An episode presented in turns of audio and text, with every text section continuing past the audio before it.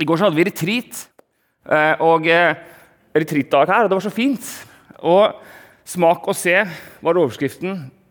Jeg tenkte på det når vi sang den første sangen som Inge Andreas har vært med å skrive tekst på i dag. Kom og se. Altså, Vi sang 'Mer enn en hunger som du aldri får stilt'.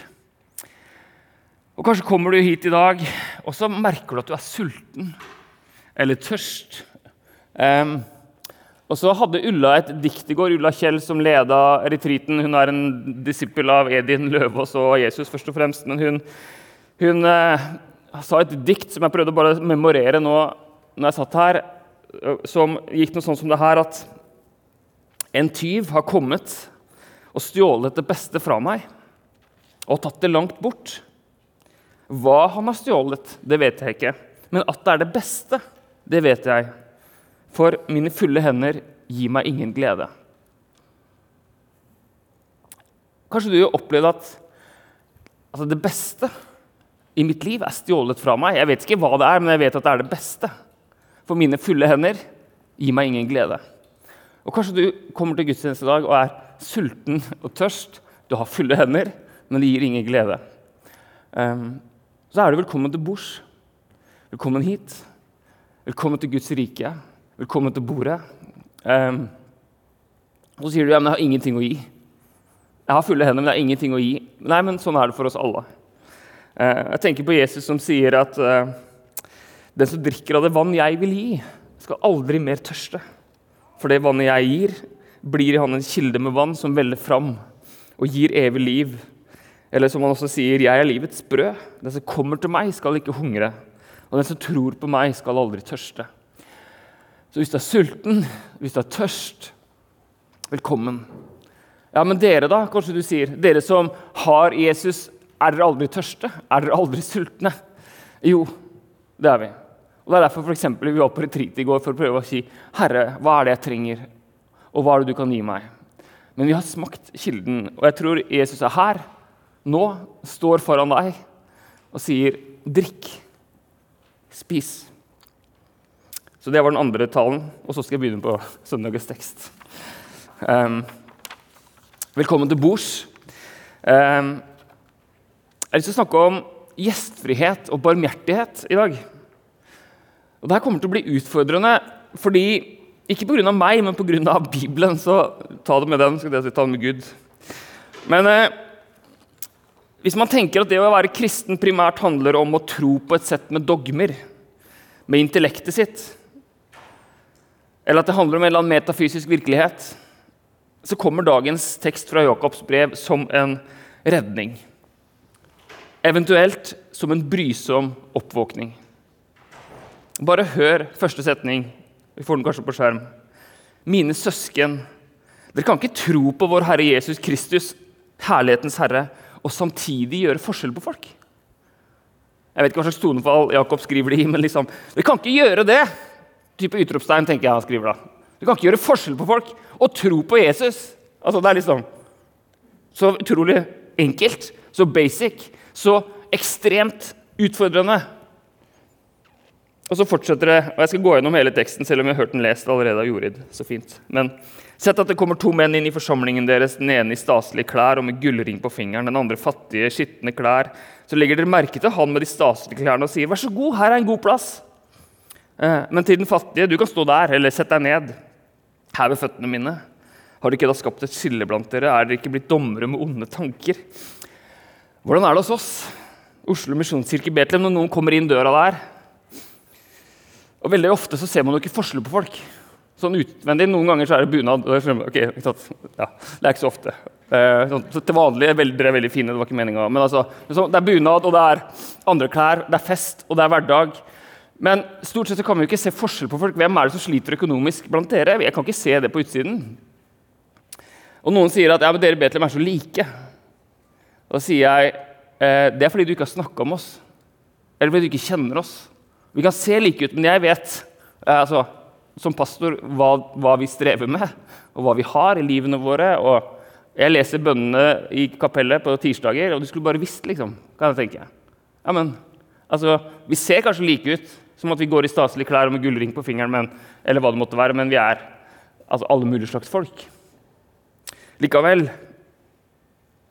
Likevel, om det kommer noen på gudstjeneste som ikke ser helt vanlig småborgerlig ut Jeg sier ikke at dere ser småborgerlig ut, men skjønner hva jeg mener. Som er slitt i klærne, kanskje ikke lukter nyeste parfyme eller lukter noe helt annet, eller eh, kanskje snakker ikke brokket norsk. Er vår gjestfrihet mot denne personen helt selvfølgelig og like inkluderende som om det kommer en hvem som helst annen som ser ut som oss? Hvordan vil den personen erfare at vi har raushet som en av våre verdier i praksis? Dere kan ikke tro på Herre Jesus Kristus, herlighetens herre, og samtidig gjøre forskjell på folk. Og Én ting er penger eller sosial status, eller hva det måtte være, men det finnes andre ressurser også. Som pastor, når jeg snakker med folk på Kirketorget, eh, så er det sånn Jeg skal ikke si at jeg gjør en vurdering av dere når jeg hilser på nye. Det er mange nye jeg hilser på høst, forresten. Velkommen. Men liksom, hvis jeg snakker med noen som sier liksom, jeg har 27 år med teologi og vært 15 år i Ungdom i oppdrag og har vært festivalsjef på 12 krikkleirer og har 174 verv i Kristen-Norge og sånn, så tenker jeg liksom, så hyggelig at du er her. Så prøver jeg å tenke liksom i bakhodet, hmm, prøver å skjule min entusiasme liksom, og tenke hun er en ressurs. kan jeg liksom tenke i bakhodet. Altså, ikke sant? Men så kommer det en annen da, som kanskje dumpa bibelskoleåret, eller aldri gikk på bibelskole, eller aldri har vært i nærheten av å ha et, eneste kristent verv på CV-en. Kanskje du er alenefar med tre barn. liksom. Har kommet inn på gudstjeneste. Kan ikke bidra med noe som helst. Og I hvert fall ikke noe i kollekten. Ja, Hva tenker jeg da? Om jeg måtte velge hvem er det strategisk fra et menighetsbyggingsperspektiv at jeg bruker mest tid på? Jeg skal ikke svare på det, men Erik, du kan ikke tro på Jesus og gjøre forskjell på folk. Og i, i, i det siste så har jeg snakka med noen som det er så gøy, som, som, er her, og kanskje du sitter her nå. Eller du er nede i barnekirka fordi du er aleine med barna. Men som, eh, som, er her fordi at eh, du bor ved siden av noen kristne som går i kirka her. Og så har du begynt å bli med de til kirka. Og så når jeg snakker med deg, så skjønner jeg at du bruker helt feil ord om, om ting vi gjør. For at du ikke kan det frikirkelige språket. liksom. Og så tenker jeg liksom Så fantastisk. Velkommen. Eh, eh, du er til, eller Vi er til for deg, og du er til for oss. Vi trenger deg. La oss lese videre denne krevende teksten som jeg skjønner Martin Luther skal ha ut av Bibelen. Ja, sånn, jeg er ikke helt sånn, da, men ok. Eh, han, han, mente at Jakobs brev var for gjerningbasert. Det brøyt liksom med nådeskjemaet hans. Det var en parentes. Men eh, hør, mine kjære søsken, har ikke Gud utvalgt de fattige i verden til å være rike i troen og til å arve det rike han har lovet dem som elsker han? Men dere har foraktet den fattige. Er det ikke de rike som undertrykker dere og drar dere fram for retten? Og er det ikke de som spotter de gode navnene som er nevnt over dere? Hvis man opplever urett, så er det veldig bra å ha råd til å gå til rettssak. Eh, men det er en krevende tekst. La oss bare lese litt videre. Dersom dere oppfyller den kongelige lov i Skriften Den kongelige lov i Skriften Altså, når jeg forberedte meg nå, så liksom, jeg, jeg, hadde glemt det ordet. Den kongelige lov i Skriften. Hvis Jesus er konge, hva er den kongelige loven i Skriften? Du skal elske de neste som deg selv. Da gjør dere rett. Ok, Hva er liksom essensen? Hva er alle disse lovene? Hva er essensen? Hva er den kongelige loven? Jo, elsk de neste som deg selv. Men gjør dere forskjell på folk, da synder dere. Og loven anklager dere som lovbrytere for den som holder hele loven, men snubler i ett av budene. Ett av budene har gjort seg skyldig i å bryte dem alle. For han som sa du skal ikke bryte ekteskapet, han sa også du skal ikke slå i hjel. Om du da bryter ekteskapet, men ikke bryter ekteskapet, men slår i hjel, da er du en lovbryter. Jeg kan si for min egen del at Det er ikke en sånn dilemma jeg står veldig ofte overfor. Skal jeg bryte ekteskapet, eller skal jeg slå i hjel? Eh, man kan jo gjøre begge deler eh, på en måte, i én handling. Eh, uff, det var ikke meningen. Men altså, det er Man kan jo noen ganger tenke liksom åh, Hvordan skal jeg finne veien her? Hei, Therese sitter på galleriet der. Eh, men det er ikke så ofte liksom, ah, Hva skal jeg gjøre i dag? Liksom? Skal jeg bryte ekteskapet, eller skal jeg slå i hjel? Men det som står litt lenger opp i teksten, om å forakte den fattige, eller gjøre forskjell på folk, der kan man kjenne at ja, det er jo litt mer utfordrende. Slå i hjel og bryte ekteskap det er ikke et dilemma jeg ofte har, men hvis jeg bare bryter ett av budene, så har jeg brutt dem alle. Og så kommer vers 12.: Etter frihetens lov skal dere dømmes. Etter den skal dere tale og handle etter frihetens lov. Og igjen, altså, når jeg begynte å jobbe, jeg hadde ikke kapasitet til å gå liksom inn i dybden. Frihetens lov, hva, hva er det? Altså, Etter den skal dere handle og tale. Etter frihetens lov. Hvordan ser det ut? Når han sier rett over at kongeloven er på en måte du skal elske den neste som deg selv, og så sier han frihetens lov skal dere, etter den skal dere tale og handle. Vers 13, for dommen skal være ubarmhjertig mot den som ikke har vist barmhjertighet, mens barmhjertigheten triumferer over dommen. Altså det viktigste, den kongelige lov ifølge Jakob, som mange tenker er, tror er Jesu bror som skrev denne teksten, det er å elske sin neste som deg selv. Og hvis dere gjør forskjell på folk, da synder dere, sier han. Men Jakob, vi er ganske gode på mange andre ting. Av disse moralske tingene, Men akkurat dette her krever, er litt strevende med. Eh, strever vi med. Etter frihetens lov skal dere dømmes. Altså Vi er alle lovbrytere, med andre ord. I hvert fall, hvert fall jeg, jeg, kan snakke for meg sjøl. Altså, jeg klarer ikke å holde alle lovene. Eh, men hvordan viser vi barmhjertighet? Hvordan ser det ut? Det står at det er det vi skal testes på.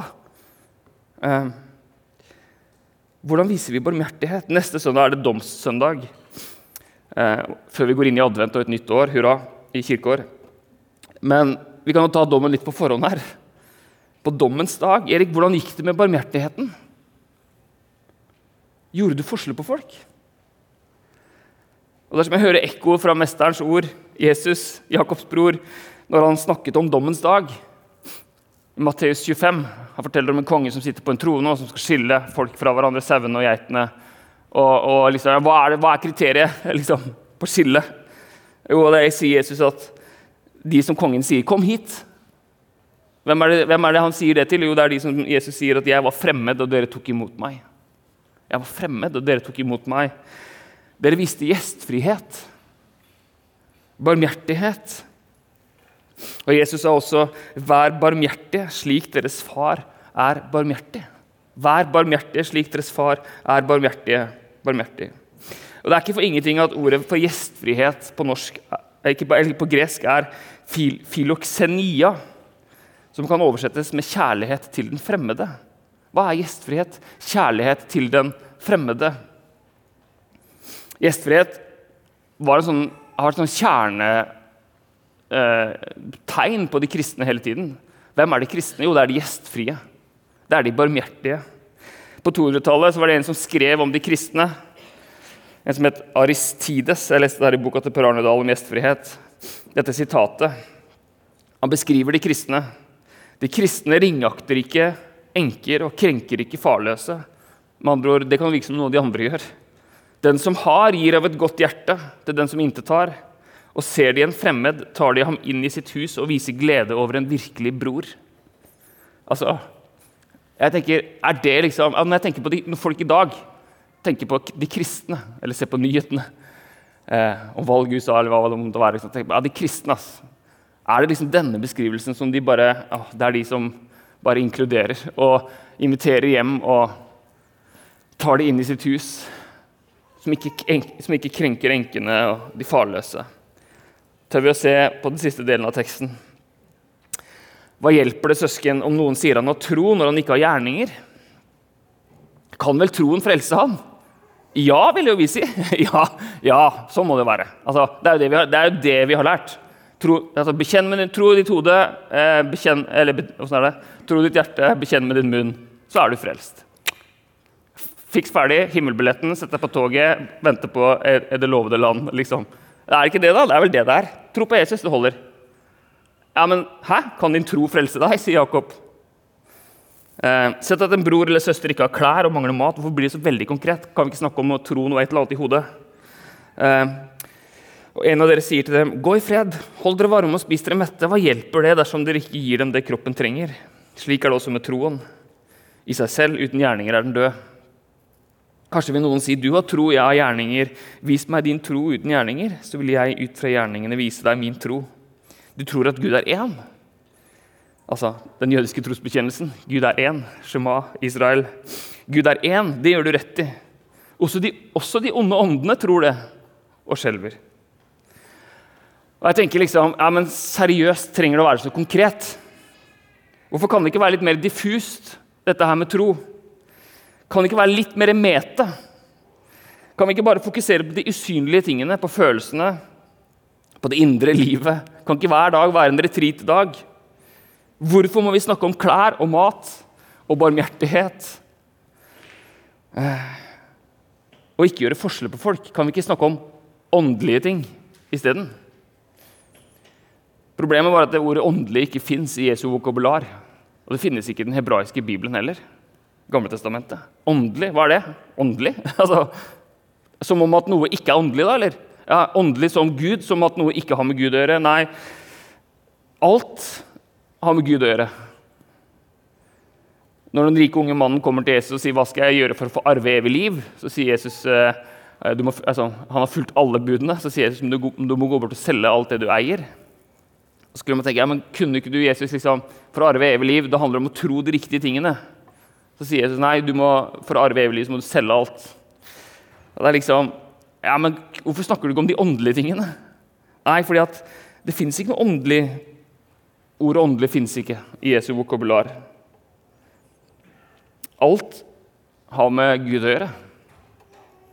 Det er ikke bare en tankemåte eller en sånn ekstra fritidsinteresse jeg har i tillegg til å leve, så er jeg kristen, så har jeg en annen sånn idé om Jesus. Nei, hvordan ser det ut helt konkret? Eh, det har med hvordan jeg spiser å gjøre, hvem jeg spiser med hvordan jeg bruker min lønnsslipp, eller hvordan jeg behandler min kropp, eller seksualitet, eller klær, eller eh, hus, eller eiendom og naboskap og alt det der som det står masse om i Bibelen og i Gammeltestamentet spesielt, har med Gud å gjøre. i en eller annen mening. Eh, så kanskje du sier ja, men jeg er ikke så veldig god på å vise barmhjertighet i praksis, jeg er ikke så raus og sånn, men jeg, jeg har veldig sterk tro. Jeg er veldig kristen, men jeg er ikke så god på å vise barmhjertighet. Da sier Jakob til deg selv demonene tror. Eh, og de skjelver, for de vet hvem Gud er. Altså, jeg har Snakk om sterk tro på Jesus. altså, men Vis meg din barmhjertighet. Eh. Så hvem du inviterer til bords, og hvordan du inviterer til bords, har mye med Gud å gjøre. Og vi kan øve oss på barmhjertighet og på gjestfrihet gjennom måltidet. Vi kan gjøre det på mange måter, men også gjennom måltidet. Og Det går en sånn rød tråd gjennom Bibelen. At vis barmhjertighet, vis gjestfrihet. Ta imot innflytterne, de farløse, enkene, som jeg har tatt imot dere, sier Gud. Og Noen ganger så gjør vi gjestfrihet til et slags sosialt spill. Ja, hvem skal vi invitere på middag? Og så inviterer vi noen liksom som vi håper er, som, som er liksom Kanskje det er noen som er litt over vår liksom, Det her er ikke oss, da, selvfølgelig, men liksom, vi inviterer noen som liksom, viser hvor flinke, se så flinke vi er, så, så, fin middag vi lager. Vi lager kjempefancy mat. og Se så dyr vin vi har på bordet, eller hvis, hvis man drikker det, eller saft. eller Se så, se, se så wow, se på, se på, oss, så flinke vi er til å vise gjestfrihet. sånn at Hvis de som kommer, blir imponert, så blir vi invitert tilbake. Og kanskje vi til og med blir invitert litt opp i sivil status. Sånn, ok, nå kommer Vi litt sånn, vi inviterer noen som gjør at vi kan bli litt invitert litt oppover i dette sosiale hierarkiet. Mens liksom, hvem sa Jesus at vi skulle invitere? De som ikke kan invitere tilbake. De som har liksom ikke mulighet til å invitere tilbake. Eh, kom. Bare kom inn i vårt liv og inn i vår, rundt vårt bord. Og det her er ekstremt utfordrende, syns jeg. For meg, sånn gjestfrihet liksom invitere alle, uavhengig av sivilstatus og uavhengig av hva som helst. Velkommen til bords. Da kan vi si det som kirke òg. Velkommen til bords. Og Nå er det kanskje ikke sånne alvorsord som denne preken, som jeg har vært litt mørk nå, kjente jeg, men det er ikke det som gjør at jeg liksom blir full av inspirasjon og glede. og tenker, nå skal jeg invitere til bords. Den dårlige samvittighet er jo ofte ikke en sånn bra driver, men ta det med Jakob, da, Jesu bror, og ikke med meg. på en måte. Eh, det er han som eh, skrev dagens tekst. Men jeg har lyst til å slutte med en historie som jeg har fortalt før. og som, Det finnes mange gode historier i denne kirka her på gjestfrihet og barmhjertighet. Eh, men den som var lettest for meg å komme på nå, den har jeg fortalt før. og Jeg snakka med Ellen rett før gudstjenesten her. fordi jeg ble minna på den i Rune Patrick som begravelse. Rune vokste opp i kirka her, døde i 90 et eller annet år. rundt der. Ja. Eh, og ikke sant eh, Bare ja, vært kirka hele sitt liv. Og så satt en familie borti hjørnet der eh, fra Afghanistan. Og så kan man tenke Hvordan havna den familien der? Liksom? Eh, og eh, Det begynte med at Ellen en, Jeg skal prøve å dra den kort, da. om jeg husker den, Ellen. Men en mandag morgen i Drøbak for noen år siden og så sier, Jeg snakka med Ellen før, og hun sier at det var ikke en spesielt bra mandag morgen. Egentlig var det litt dårlig mandag morgen. Så går hun inn på kjøtthandleren i Drøbak og tenker at jeg kan i hvert fall prøve å ordne en bra mat, eller middag fordi at dagen er dårlig. Og så står hun der i kjøttdisken i, i Drøbak, og så står hun og snakker med han som jobber der. Og så tenker Ellen du, eller Du får ikke korrigere meg nå, Ellen, men du får, du får ta det etterpå med folk hvis jeg sier feil. Men, og så tenker Ellen mens hun står der, på en preken hun hørte året før. Fordi han som står der, han heter Ismail, viser det seg. Eh, og Ellen liksom tenker Han er alltid så hyggelig, og han har egentlig aldri snakka ordentlig med. Eh, så tenker hun på en preken fra året før hvor hun hadde hørt at prøv å bli venn med én muslim. Altså, Ikke liksom frels hele den muslimske verden, ikke flytt til Afghanistan eller Iran, men liksom bli, bli venn med én. Bli kjent med én. Det bør jo være ganske overkommelig for alle her inne. Liksom, bli kjent med én. Og Så tenkte Ellen på det når hun står i kjøttdisken der, at kanskje det, er, kanskje det er han, Ismail. Så hun sier du, det er så hyggelig å alltid møte deg, for du er, du er en sånn hyggelig type. Så kommer de i prat, og så begynner Ismail å fortelle at han har bodd i Norge i seks år. på det tidspunktet. Og Han har kone og fem barn hjemme i Afghanistan som han ikke har sett fordi han måtte flykte pga. politisk aktivitet. Og Så har de søkt familiegjenforening, men det skjer ingenting. og det har gått seks år som sagt. Så du har, du har ikke sett familien din på seks år. Og mens hun står og prater med han, så, så begynner hun å tenke på kanskje, kanskje han her er han ene jeg skal bli kjent med. Og så ender samtalen med at Ellen inviterer Ismail på middag. Han sier Ismail, du vil ikke komme og spise middag hos oss. da? Og så viser det seg at Han aldri blitt invitert inn i et norsk hjem. Bodd i Norge i seks år. Aldri, vært, aldri blitt invitert hjem. Noen som sier 'kom, kom og spis'. Eh, men så kommer han hjem til familien Hot, og Ellen sier at de er en kristen familie, så vi ber. Det var jo et spørsmål i dette måltidsheftet. Hva gjør man når man har besøk? i forhold til bordbønn og bordsang og sånn? Jeg vet ikke hva dere har om hjemme hos dere. Det er liksom, når vennene, til barna er på besøk, skal man da be eller synge? eller hvordan gjør man det greiene her? Ellen valgte i hvert fall å si Ismail, vi, vi er en kristen familie, er det greit at vi ber? Så ba Ellen for maten og for familien til Ismail og eh, sånn. Og han sa selvfølgelig så kan du be. Og så blir det flere middager. Og En dag så ringer Ismail og sier Ellen, de har fått visum. De har fått oppholdstillatelse. De kommer til Norge. Men så er det noe feil. De, ikke, de, to av barna er over 18 år, og de skulle fått visum uten å søke på, indiv, å søke på individuelt grunnlag. Eh, men, det er jo eller, men de har likevel fått lov til å komme. Og Så sier Ellen ja, men det er jo fantastisk. Og så svarer Ismail ja, det er fordi at du ba om det. Du ba for det. Og så kommer familien til Norge. De hadde ingenting med seg, ingenting sted å bo. Ikke, ikke noe sted å bo. Eh, og så, Hvem er det som møter familien på Gardermoen? Jo, det er familien Hott med to biler. Og så tar de med denne familien. Eh.